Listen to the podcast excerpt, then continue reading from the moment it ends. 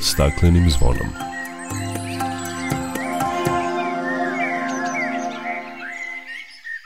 Dobar dan i dobrodošli na Zeleni talas prvog programa radija Radio Televizije Vojvodine. Ja sam Dragana Ratković. Topla zima kao i visoke temperature za ovo doba godine proteklih dana omogućile su da počnu akcije sadnje drveća. Govorit ćemo o akciji sadnje kod Bačke Palanke na mestu gde je donedavno odlagano smeća koje će za nekoliko godina postati zelena oaza, o nastavku akcije sadnje drveća u Sremskoj Mitrovici koja je započeta još prošle godine, o sadnji uz saobraćajnice u Novom Sadu kako bi se smanjilo zagađenje izduvnih gasova, kao i da li je ovo idealno vreme za sadnju i kako saditi, a da nam se sadnice prime. Čućete koliko je interesovanje meštana Lačarka za kante za odvajanje otpada za papir, plastiku i metal. Nakon Beograda i u Novom Sadu održana je promocija specijalnog izdanja Ekolista Zeleni puls Evrope koji je objavljen u saradnji sa projektom Puls Evrope medijske posete Evropskoj uniji.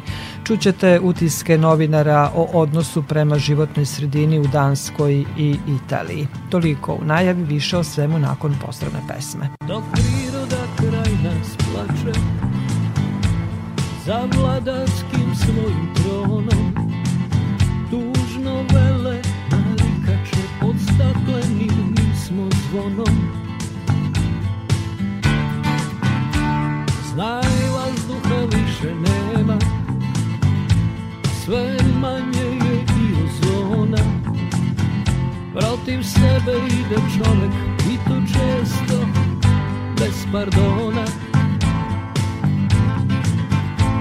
Uništenju živog sveta Kao da su ljudi skloni Čovek sam je sebi meta Zbog njega ovo zvono zvoni Uništenju živog sveta Kao da su ljudi skloni Čovek sam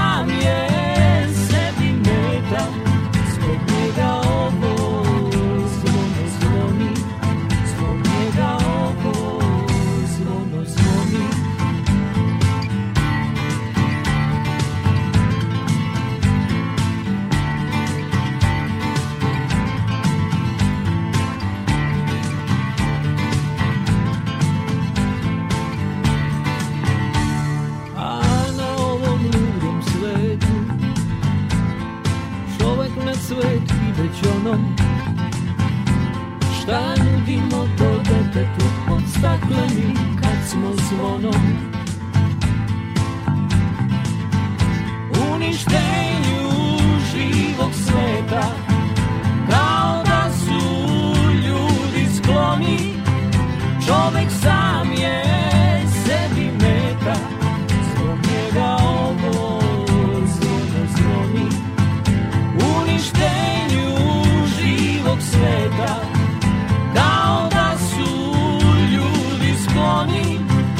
Čovek sam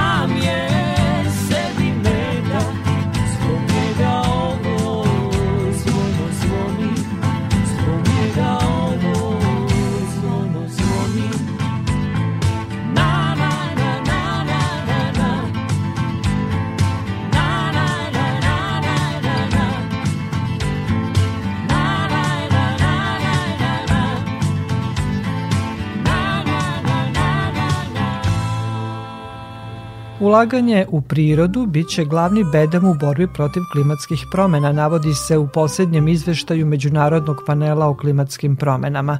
Naučnici i istraživači kažu da je pošumljavanje trenutno jedno od najefikasnijih rešenja. Tvrde da na zemlji ima dovoljno prostora da se zasadi šuma površine Sjedinjenih američkih država, odnosno oko milijardu hektara. Time bi se smanjio ugljen dioksid u atmosferi za oko 25% do nivoa s početka 20. veka. Drveće, kao što znamo, ima mogućnost apsorpcije ugljen dioksida i jedno drvo tokom godine može da apsorbuje između 10 i 40 kg ugljen dioksida. Osim što je prirodni regulator ugljen dioksida u atmosferi, poznato je da drveće hladi gradove, pa je njegova uloga u urbanim zonama veoma važna.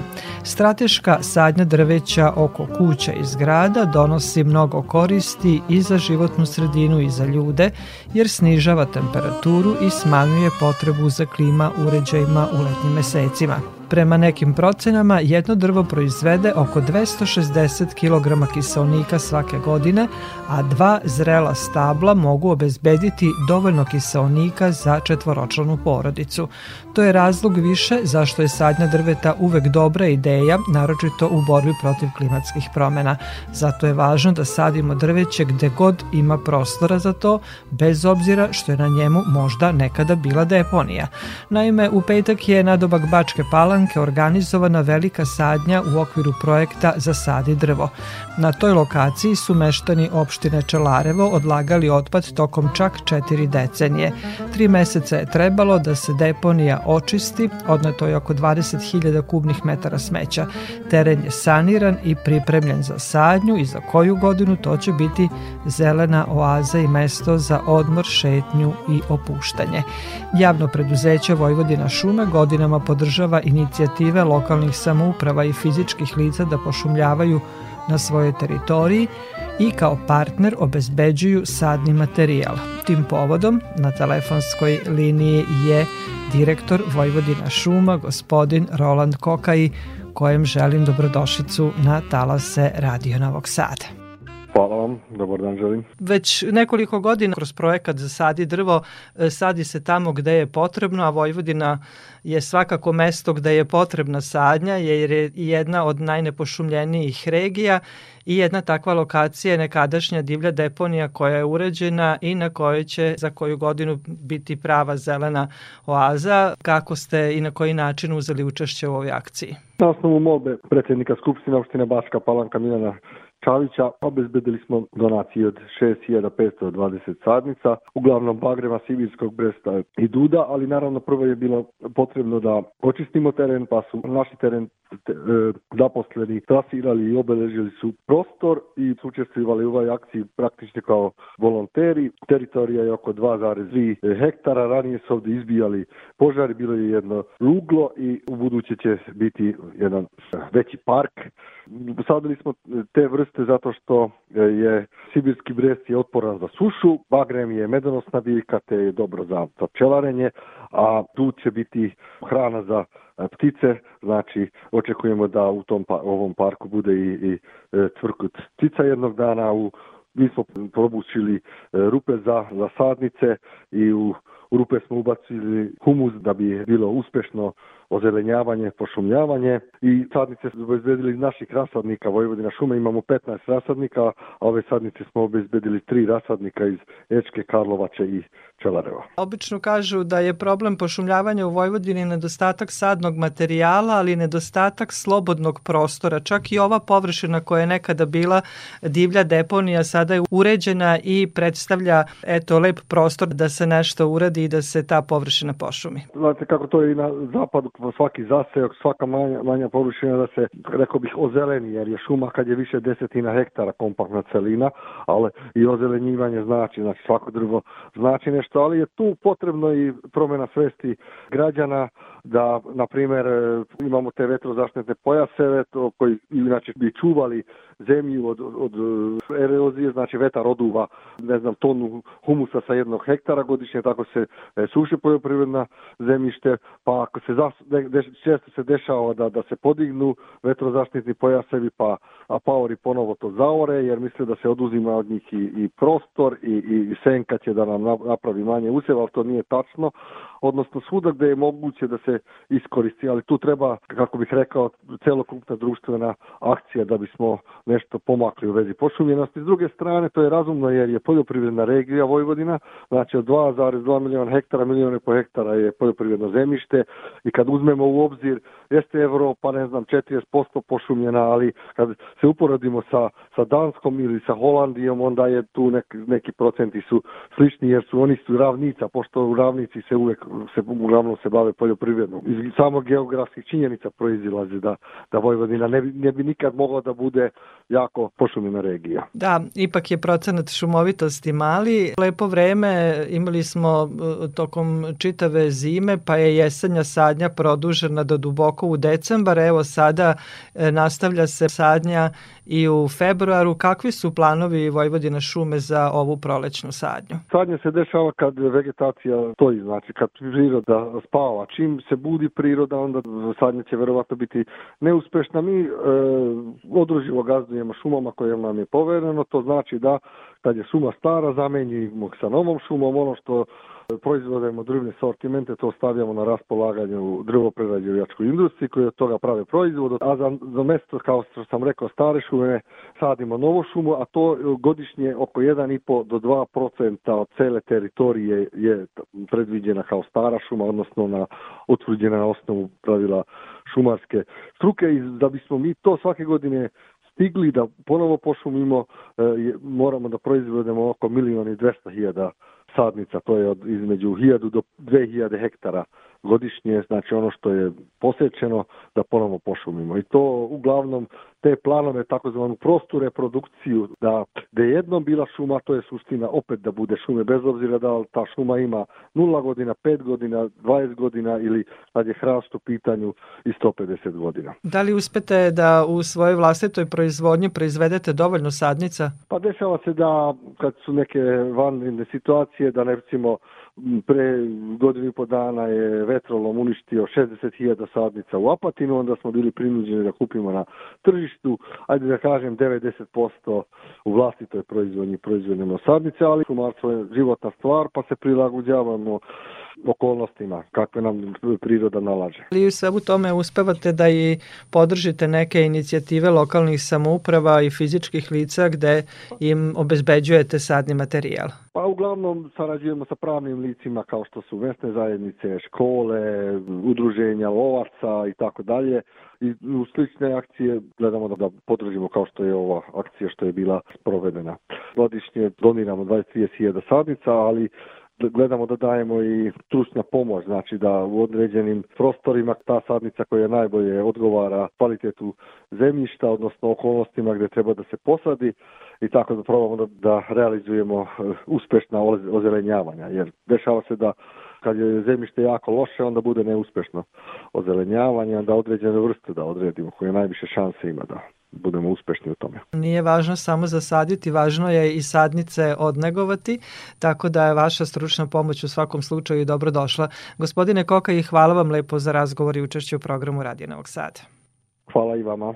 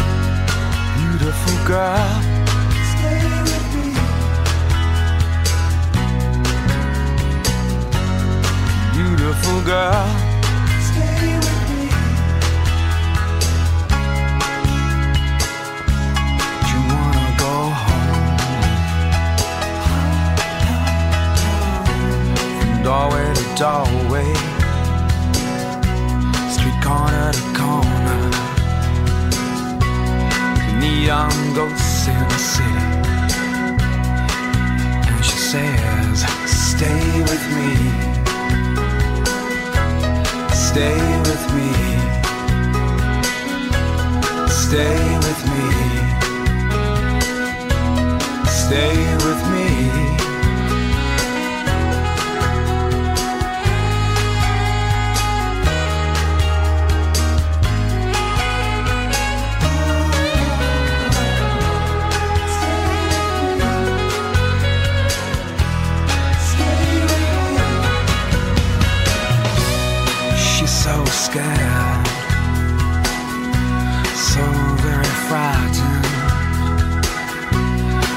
Anything could happen right here tonight. Beautiful girl. stay with me.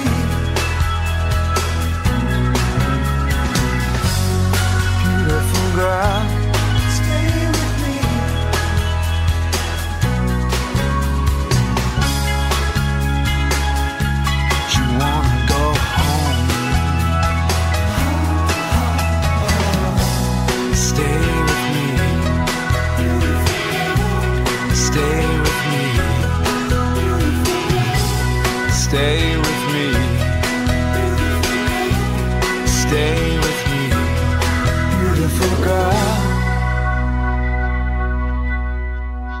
Slušate emisiju pod staklenim zvonom. U Sremskoj Mitrovici nastavlja se akcija Velike sadnje koja je započeta prošle godine. Podsjetimo, cilj je da se posadi 80.000 sadnica i da se napravi takozvani zeleni prsten oko grada. Do sada je posađeno više od 5.000 sadnica, a tokom protekle sedmice posađene su sadnice nabavljene u okviru akcije DDOR osiguranja za šumu u tvom kraju. Više o tome Dejana Kovačević. Kompanija DDOR osiguranje pokrenula je akciju za šumu u tvom kraju sa ciljem stvaranja i unapređivanja urbanih oaza koje će pozitivno uticati na efekte emisije štetnih gasova, ali i na dugoročno unapređenje životne sredine i uslova života u gradovima Srbije. Akcija je obuhvatila period od početka maja do kraja septembra 2022. godine i podrazumevala je odvajanje sredstava od svake ugovorene ekopolise za sadnju stotinu stabala. Ugovaranjem Eko Kasko ili Eko Moja kućica osiguranja klijenti su bili u prilici da direktno doprinesu tome koliko će stabala obogatiti različite gradove Srbije. Istakao je Branislav Jurišić, direktor filijale SREM DDOR-a. Je bila e, brojna što se tiče poziva na, na sajtu DDOR Novi Sad i po tom osnovu je i aplicirala i dobila mogućnost da DDOR donira 44 sadnice e, u Sremskoj Mitrovici i danas treba da prisustujemo i samoj sadnji. Inače da kažem da je DDOR e, ima odličnu saradnju, ovo je samo jedna od akcija ovaj, u kojima smo prisutni, dakle odlična je saradnja sa gradom, sa svim gradskim strukturama, sa školama, sa svim ustanovama kulture. Sremska Mitrovica je četvrti od deset gradova u kojima će biti realizovano urbano ozelenjavanje. Akciju podržava i grad Sremska Mitrovica, te su nakon pripremljenog terena sadnice zasadili direktor filijale Srem DDOR i predsjednik Skupštine grada Sremska Mitrovica Vladimir Pavlović. Drago mi je što grad Sremska Mitrovica ima sagovornika i saborca kad je ovakva tema u pitanju i pozvao bi sva fizička i pravna lica da se pridruže ovoj akciji. Akciju smo počeli još pre nekoliko godina, ali od prošle godine veoma intenzivnu akciju 80.000 sadnica za 80.000 Mitrovčana. Videli ste vetrozaštitne pojaseve, koje ćemo nastaviti u toku ove godine. Sada ćemo raditi na obnavljanju parkova, formiranju novih parkova, tako da Mitrovica će definitivno biti jedan od najčistijih, ako ne i usudit ću da kažem, najčistiji grad u Srbiji, najzeleniji grad u Srbiji. Podsjetimo, akcija Velika sadnja započeta je prošle godine sa ciljem da se posadi 80.000 sadnica i da se napravi takozvani zeleni prsten oko grada. Do sada je posađeno preko 5000 sadnica, a još 44. Plan je da se sa velikom sadnjom završi do 2025. godine, ali kako je najavio predsednik, tu se neće stati sa projektima, naročito onim koji za cilj imaju čistiju i zdraviju životnu sredinu.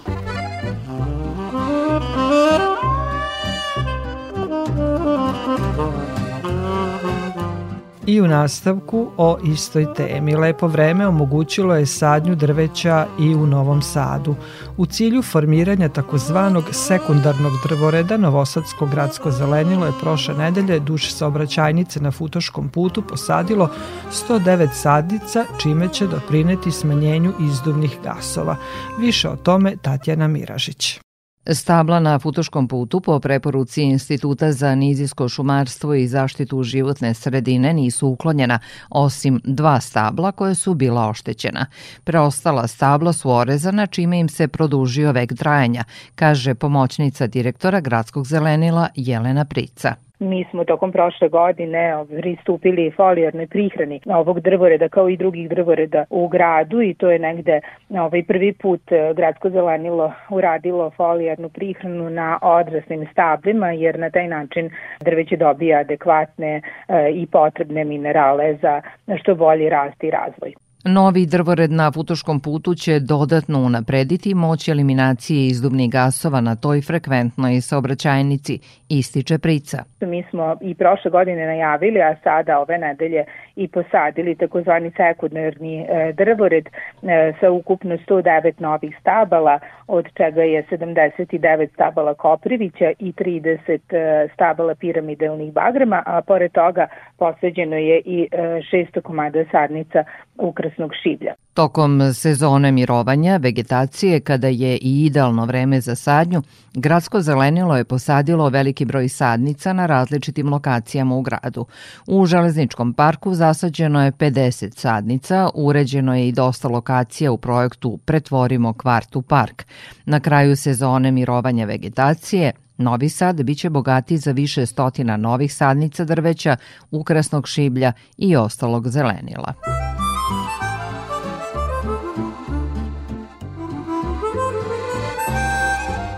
A kada već govorimo o Novom Sadu, Gradsko zelenilo je uvelo specijalni tretman zimske zdravstvene nege drveća. Radnici zelenila su crvenim i plavim uljem koje sadrži specijalno odabrane fungicide, insekticide i posebnu mešavinu mineralnih ulja tretiralo drveće i ukrasto šiblje i žbunje u svim gradskim parkovima, uličnim drvoredima i kvartovskim zelenim površinama. Prema rečima direktora Gradskog zelenila Miloša Egića, zimske Zimsko tretiranje je značajna mera u suzbijanju biljnih bolesti i štetočina na svim vrstama drveća i žbunja u urbanim sredinama koja se primenjuju u najrazvijenijim gradovima Evrope i sveta. Zimskim tretiranjem smanjuje se potencijal biljnih bolesti i štetočina koje prezimljavaju u krošnjama stabala, sakriveni u pukotinama kore, pupoljcima, ranama na kori. Zdravstveni tretman plavim i crvenim uljem značajno će unaprediti zaštitu drveća i žbunja od štetnih organizama tokom vegetacije. Gradsko zelenilo će u narednom periodu maksimalno pojačati mere zaštite postojećeg i sadnje novog drveća u gradu i prigradskim naseljima, dodaje Egić.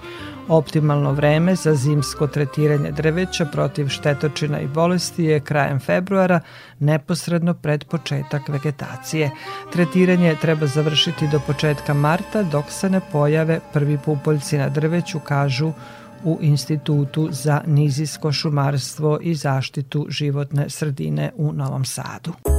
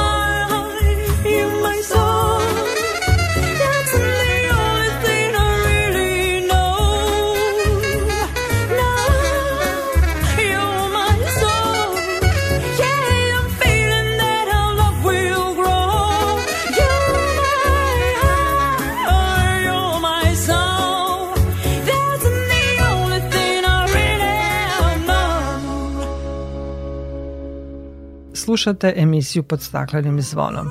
Ova zima je bila izuzetno topla, imali smo pravo prolećno vreme proteklih dana i kao što ste čuli, tako pogodno vreme je iskorišćeno za sadnju mladih stabala u mnogim mestima. Sadilo se i kroz razne akcije. Da li je ovo idealno vreme za sadnju i kako saditi da nam se sadnice prime, pitala sam Alena Kiša iz Pokrajinskog zavoda za zaštitu prirode. Odlično pitanje, Dragana. Jeste, upravo ste kakva je bila zima. Najbolje za uspeh sadnje je bilo otprilike saditi u januaru mesecu, što je totalno neobično. Znači, u tom periodu obično imamo mrazeve, a znamo da sadnice nikako ne trpe da im se korenom sistem prilikom iznošenja iz rasadnika i znači prenosa da im ne smrzne, jer obično tada sadnice ne mogu da prežive.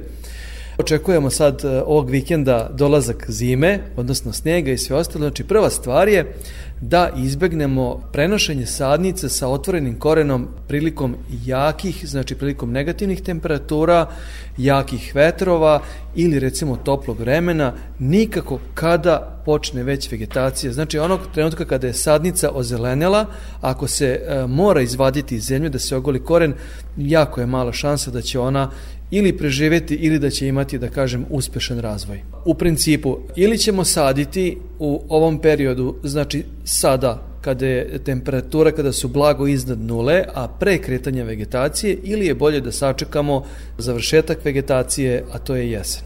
Koje sadnice odabrati? Znamo da se često e, sade i neke invazivne vrste koje nanose veću štetu nego korist. Pravu ste. Prvo bitno je reći šta je to invazivna vrsta. To je vrsta koju je čovek uneo sa drugog kontinenta preko prirodnih barijera kao što je recimo okean. Znači to su vrste koje nemaju prirodnog neprijatelja u našem okruženju i zbog toga se nekontrolisano šire.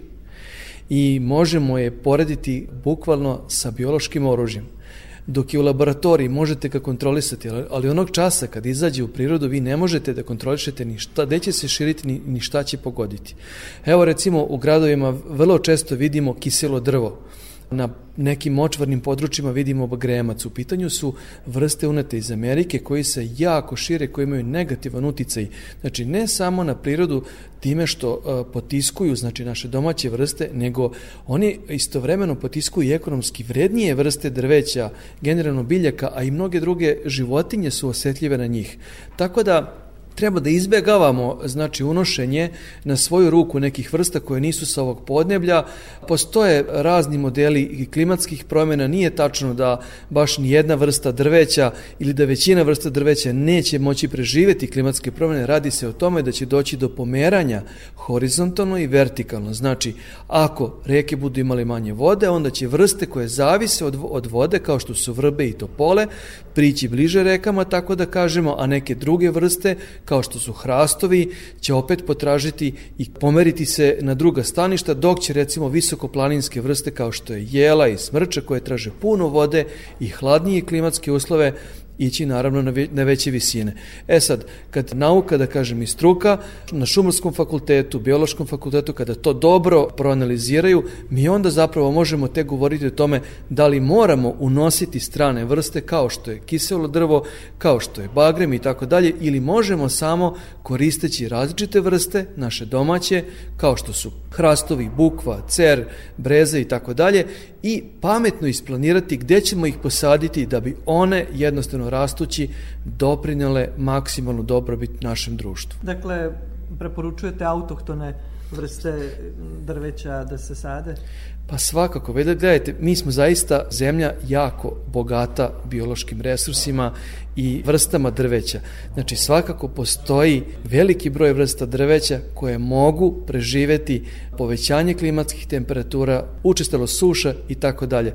Treba pre svega prilagoditi dostupnost tog sadnog materijala. Mi danas vidimo da imamo jako mali izbor e, sadnice koje možemo kupiti i samim tim ljudi su svakako i ograničeni u mogućnostima izbora. Hvala vam lepo za razgovor. Molim.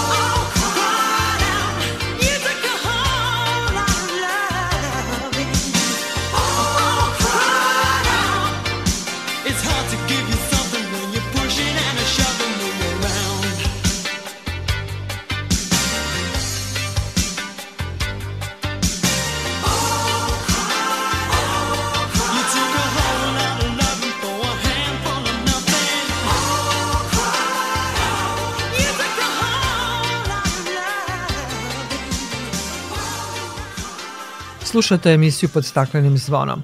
U osnovnoj školi Branko Radičević u Pančevu održano je predavanje o odlaganju i razvrstavanju otpada koju je učenicima te škole predstavio stručnjak iz Tokija Hiroki Oki. Gosti škole bili su i japanski predstavnici koji pod pokroviteljstvom Japanske agencije za međunarodnu saradnju učestvuju u rešavanju pojedinih ekoloških problema u tom gradu. Pojedinosti Aleksandra Vlajić. Učenici su saznali nešto o problemu prekomernog otpada sa kojim su se u jednom trenutku susreli u Japanu. Kako su to rešavali, načinima razvrstavanja otpada. Čuli su i pojedine zanimljivosti, poput toga da se u jednoj japanskoj opštini otpad razvrstava u 45 različitih kanti. Stručnjaci iz Japana u okviru projekta Roda više od dve godine sarađuju sa Pančevom. Roda je inače ugrožena vrsta u Japanu i za to su krivi ljudi, kao i za većinu ekoloških problema. Lazar i Dušan podelili su sa nama utiske o predavanju. Lep je povod da ostanemo da recikliramo zato što pomaže cijeloj planeti i baš mi žao da čujem da nema više, da je izumrela roda kod, u Japanu, ali nije, nije skroz. I mi ćemo da pomognemo da se to ne desi.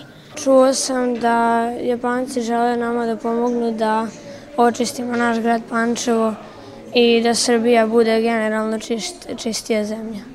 Treba da recikliramo i da smanjimo upotrebu zagađenja, da smanjimo zagađenje. U školi Branko Radičević već godinama rade sa učenicima i edukuju ih o značaju zaštite životne sredine. Imaju kontejnere za razvrstavanje otpada i česte radionice na tu temu, kaže Mirko Novović, direktor škole. Za nas je bitno s jedne strane da bi đaci dobili što bolje obrazovanje, da bi znali kako se sa reciklažom postupa, da jednostavno e, vide sebe za bolje sutra i da ovu zemlju čuvaju. Teško je promeniti svest ljudi, ali je bitno da postoje škole kao ova koje bi trebalo da budu uzor pančevcima. Govorio sam o sortiranju kućnog otpada, kako se to radi u Japanu. Teo sam da prenesem iskustva uspešna, ali i pogrešna koje smo imali kroz modernizaciju Japana posle drugog svetskog rata kaže Hiroki Oki iz Tokija. Pančevačko javno komunalno preduzeće Higijena takođe sarađuje sa stručnjacima iz Japana, kaže Mišo Marković, direktor Zahvaljujemo se našim prijateljima i saradnicima iz Japana koji su pomogli i našem gradu javno komunalnom preduzeću Higijena putem određenih sredstava gde ćemo mi u delovima grada gde trenutno ne možemo da podelimo kante za sekundarne sirovine, e, kopirajući njihov sistem kućica. U delovima grada ćemo postaviti kućice gde ćemo angažovati određen broj naših sugrađana koji će prikupljati sekundarne sirovine koje će posle ići u reciklažu. Znači, e, trudit ćemo se da što manje reciklabilnih materijala završi na telu deponije ili u, naše, u našim rekama ili njivama i divnim deponijama pored grada. Srpsko-japanski projekat Roda ima za cilj razmenu znanja, edukaciju lokalnog stanovništva, a isto tako i unapređenje životne sredine u Pančevu kroz saradnju između akademske javnosti, gradske uprave, industrije i građana. Izabrana su tri cilja na kojima se radi. Pronaći rešenje za tri ekološka problema, Park prirode Ponjavica, industrijsku zonu i staru gradsku deponiju. Za meštane Lačarka obezbeđeno je 2400 plavih kanti namenjenih za odvajanje papira, plastike i metala. Kante su obezbeđene preko projekta Odvajamo koji finansira Kraljevina Švedske u saradnji sa Ministarstvom zaštite životne sredine, a sprovodi ga javno komunalno preduzeće Komunalije i regionalna deponija Srem Mačva. O tome više Jovana Stupar. Interesovanje meštana Laćarka za inovaciju po pitanju ekološkog odvajanja otpada je izuzetno. Tokom prva dva dana preuzeto je preko 350 namenskih kanti. Meštani su svesni značaja pravilnog odlaganja artikala i rado preuzimaju svoju plavu kantu. Rekao je Mihajlo Prokopić, meštanin Laćarka.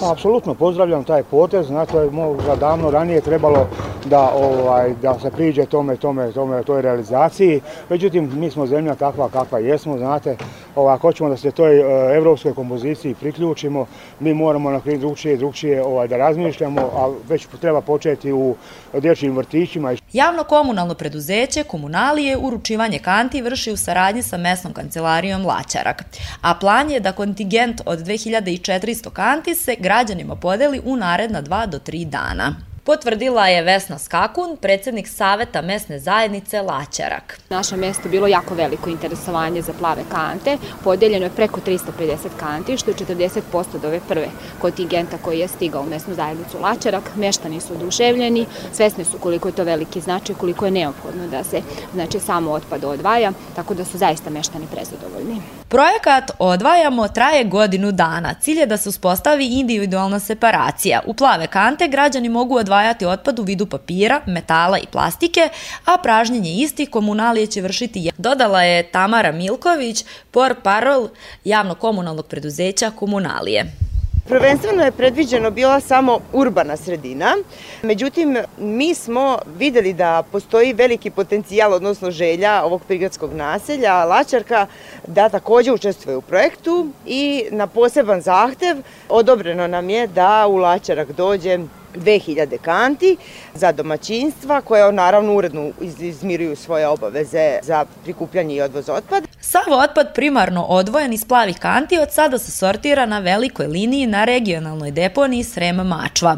Plan je da se podeli 7500 kanti, a u okviru drugog dela projekta biće obezbeđeni i separacioni kontejneri, poručuju iz nadležnog preduzeća.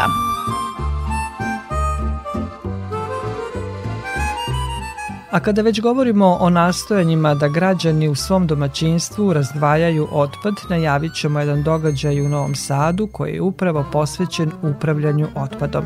Naime, EU Info Kutak u Pokrajinskom zavodu za zaštitu prirode u utorak u 19 časova organizuje javnu diskusiju na temu reciklaže i ponovne upotrebe otpada pod nazivom od bezvrednog otpada do vrednih sirovina.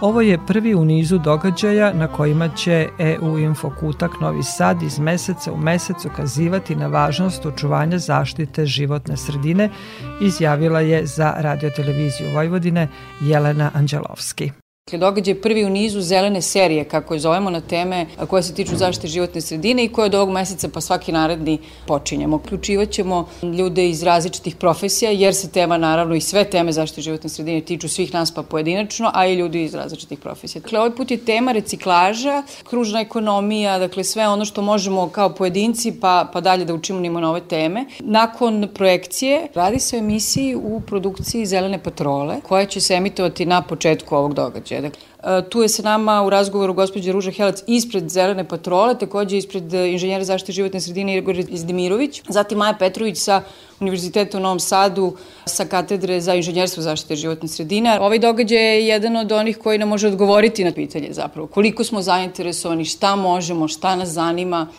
Tako da meni se čini da je naravno interesovanje ogromno jer je pitanje e, životno za sve nas. Sve se više o tome govori i u Srbiji. Tako da poziv je zapravo upućen svima. Dođite da razgovaramo. Tema je svačija, svi smo pozvani.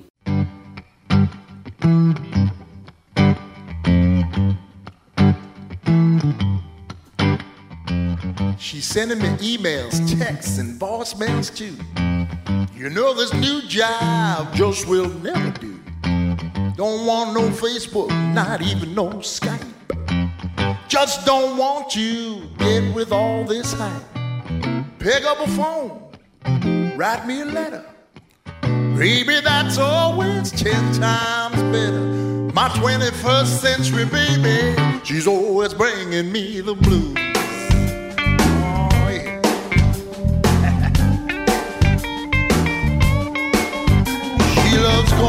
Price Club. She loves the suicides. Wants to build me a web page. I see it in her eyes. Oh, always sending me MP3s and them JPEGs too. Cleaning up my hard drive. What the hell you trying to do? Pick up a phone. Write me a letter. Baby, that's always ten times better. Well, my 21st century baby, she's always bringing me these blues.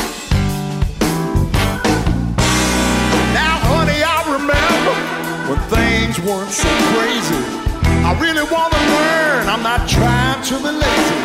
I'd love to see a movie, maybe read a book at home. But all you want to do is look down at that phone.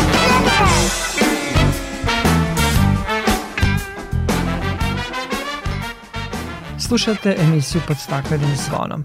Ekološki magazin Ekolist i projekat Puls Evrope medijske posete Evropskoj uniji, koji u Srbiji finansira delegacija Evropske unije, objavili su specijalno izdanje Zeleni Puls Evrope, koje je nastalo na osnovu medijske posete novinara zemljama Evropske unije. Krajem januara održana je promocija časopisa u Beogradu, a prošle sedmice i u Novom Sadu u kulturnoj stanici Etšeg. Tim povodom, dobar dan želim novinarki Ekolista i učesnici projekta Majdi Adlešić koja će nam reći nešto više o kakvom specijalnom izdanju se radi. E, dobar dan Dragana. Pa evo radi se kao što ste i rekli o izdanju koje je nastalo saradnjom magazina Ekolist i projekta Puls Evrope medijske posete Evropskoj uniji. To je projekat koji je sprovela i nastavlja da sprovodi delegacija Evropske unije u Srbiji sa Gete institutom, nezavisnim udruženjem novinara Srbije i Zavodom za kulturnu dekontaminaciju. Pored svih tema koje su novinari pratili, najzastupljenija tema je ubedljivo bila zaštita životne sredine i sve što ona prati. I tako smo došli na ideju da jedno specijalno izdanje Ekolista posvetimo upravo tim putovanjima i objavimo autorske tekstove novinara koji su e, putovali baveći se upravo ovim temama, tako da tu imamo i posetu Grenoblu kao zelenoj prestonici Evrope za 2022. godinu. Imamo putovanja u Sloveniju, Austriju, Italiju, Dansku, Holandiju i još mnogo zemalja koje zaista mogu nama da budu ne samo primer, nego i put ka rešenju naših problema u ovoj oblasti. Majda, vi ste takođe jedna od učesnica projekta, putovali ste u Dansku. Kakvi su vaši utisci o tome koliko danci vode računa o životnoj sredini i koji su to primeri dobre prakse koji bi mogli da primenimo i kod nas? Pa Danska je e, sigurno primer za, za nas i ne samo za nas nego i za mnoge države regiona jer su oni zaista vodeća zemlja po pitanju rešenja zaštite životne sredine u, u Evropi. Ono što je na mene najveći utisak ostavilo to je povezivanje, odnosno spajanje rešenja uređenja predela sa rešenjima koja će unaprediti određene, odnosno rešiti određene probleme iz oblasti zaštite životne sredine i zaista ono što sam videla tamo su ne samo primjeri kako se neki problem rešava, nego kako se dalje upravlja tom situacijom i kako se ona i dalje unapređuje. Primjera radi ja sam posetila Copenhill, odnosno Amagerbake, spalionicu otpada koja se nalazi maltene u samom centru Kopenhagena i na čim se krovu nalazi skijalište, znači oni su jedan sportski rezort spojili sa tako nečim od čega mi imamo veliki otklon bojeći se šta je to spalionica. Danska i Kopenhagen su ustremljeni ka tome da do 2050. godine potpuno eliminišu karbonski otisak, odnosno postojanje ugljen dioksida kao zagađivača i veliki akcent na tome. Još jedna odlika te spalionice je to što oni kroz to uništavanje, da kažemo, otpada proizvode električnu energiju i toplotnu energiju za Kopenhagen, a pored toga dosta otpada se reciklira, odnosno vraća se u ponovnu upotrebu. Pored e, toga posetila sam i prečistač otpadnih voda u Hillerodu koji je 30 km od Kopenhagena gde je takođe u predeo je ukopljeno postrojenje koje se tako reći uopšte ne vidi i ne znate šta se tu dešava dok se ne nađete ispod zemlje gde je ono locirano, a na krovu njegovom se u stvari nalazi jedan environmental park koji je onako jedan fascinantan prostor. I Fredericija je deo grada koji je nastao na mestu nekadašnje fabrike sumporne kiseline, znači nešto što je do pre par godina razaralo okolinu i more sada je jedan potpuno drugi ambijent.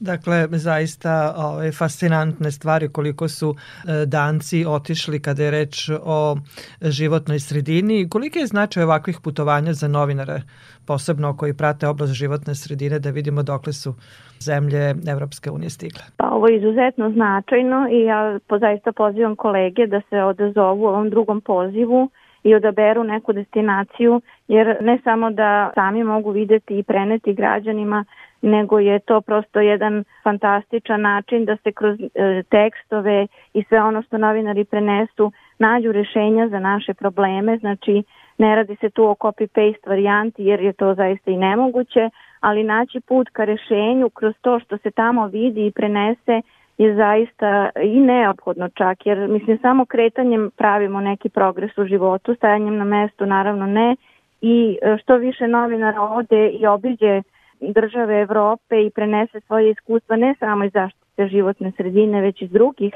tema, puno toga je ono što mi možemo zaista kao dobar primjer da iskoristimo iz njihovih iskustava. Majda, hvala vam lepo za razgovor što ste nam preneli vaše iskustvo o poseti Danskoj i učešću u ovom projektu Puls Evrope medijske posete. Hvala vama, Dragana. Definitivno Danska je zaista dobar primer za nas i druge države kako upravljati životnom sredinom i možda je to razlog što su prema nekim istraživanjima Danci najsrećniji narod na svetu. Sigurna sam da je to upravo zbog toga što žive u zdravoj životnoj sredini. A koliko o životnoj sredini vode brigu Italijani, Koleginica Maja Stojanović sa RTS-a je u okviru projekta Puls Evrope medijske posete Evropskoj uniji bila u toj zemlji pa da čujemo njene utiske koliko italijani brinu o životnoj sredini. Velika posvećenost se vidi i vidi se koliko je to njima važno naročito što sam imala prilike da boravim u nekim domaćinstvima. I onda vi u stvari vidite koliko je to, to se vade spiskovi kao, e, gde treba beš ovo da bacim, daj ljubičastu kesu, ne, nemoj tamo, čekaj, čekaj, prvo spisak, nemoj slučajno da si bacio. I sad ja sedim i ne verujem, kao, kada ću doživiti ovo kod nas, I onda se vratim u Beograd i skupljam džubre, idem da ga bacim i znam da sve to hop ode za vinču. Vidi se posvećenost od tog najmanjeg elementa, to je čovek, ono, kao porodica, pojedinac, kogod živi sam, ima jedno dete, svi moraju da poštuju pravila. Pa do onog ogromnog, ogromnog nivoa kako je kompanija Hera koja usko sarađuje sa državom i koja je zaista na vrhu prva, pa ne znam koliko gledala sam taj grafikon u smislu udela procentualnog i u učestvovanju u e, preradi otpadnih voda i u e, dopremanju vode za piće i u preradi otpada. E, nije primer samo za Evropu, za one koji nisu u Evrope, već je primer i za ceo svet. Ne pravim nikakvu reklamu, apsolutno ljudi zapošljavaju kadar školovan koji se konstantno usavršava. I tu se vidi posvećenost. Država će subvencijama njima, koji nisu ni toliko velike, jer njima je dovoljno, oni dovoljno kroz te milijarde i milijarde otpada, jasno je svima da je otpad novac, čuli smo da čak i skandinavske zemlje uvoze otpad, uvoze đubre, dakle to vredi, to nešto vredi. Tako da tu više sad nisu ni potrebne subvencije države da se krene sa spaljivanjem otpada na jedan način u 21. veku. Molim vas, a mi smo posebno nacija, ja to volim da kažem, koja voli da se hvali, da imate Pupina, te Teslu, te Milutina Milankovića, ajmo gde su ti naši mali mladi, sigurno ih ima. I mislim da ta posvećenost i kod nas treba samo jedna iskrica da se probudi i da, da tu nam ne bi bilo kraja našoj tehnologiji u tom smislu. Koliko je važno za novinare da izađu malo iz ovih naših granica i vide neka druga iskustva i neke druge primere. Jako je važno posebno zbog toga što može mnogo da se nauče iz iskustva zemalja koji su u obavezi da poštuju direktive Evropske unije. Mi smo na putu tek, dakle nismo član e, Evropske unije i, i bit ćemo u obavezi da ih poštujemo. I onda kada na licu mesta vi vidite šta to zapravo znači, shvatite da to nije tek puka stvar novca, već i da treba mnogo one e, ekonomije zasnovane na znanju. E, upravo zbog toga je i tema inicijalna moja bila obrazovanje. Dakle, da od malih nogu, kao što je u Italiji koju sam ja istraživala, obavezan predmet u školama zaštite životne sredine, da kasnije ti ljudi budu kadar koji je kadar da sve to odradi kako treba. To je tipična stvar kod nas da mi jeste mnoge zakone imamo na papiru, ali nisu implementi. I naravno na licu mesta ste. Nije teško teško doći i organizovati. Ja sam imala pomoć više osoba da baš me uvedu u spalionicu u fabriku prerade vode, ali kada na licu mesta ste vi tu sa sve tim šlemom i onim zaštitnim cipelama i sve to je baš taj pravi osjećaj kada vidite eh, ovo hoću jednog dana da izveštavam iz moje zemlje. Tako da, mm, ne, neizmeran značaj, ali ja se nadam da će doći ti dani, ako ne, ono, baš, bar kao penzioner novinar, da izveštavam iz svoje zemlje da kažem, e, sad ovo se radi prema zakonodavstvu Evropske unije. Toliko u ovom izdanju emisije pod staklenim zvonom koju možete slušati i odloženo na podcastu Radio Televizije Vojvodine na adresi rtv.rs. Violeta Marković, Zoran Gajinov i Dragana Ratković zahvaljuju vam na pažnji. Naredni susret zakazujemo za sedam dana u isto vreme na zelenom talasu prvog programa radija Radio Televizije Vojvodine.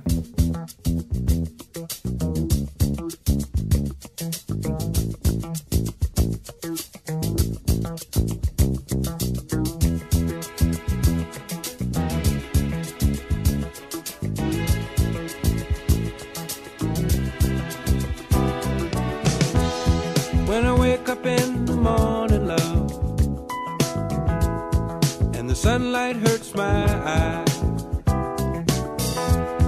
And something without warning, love, bears heavy on.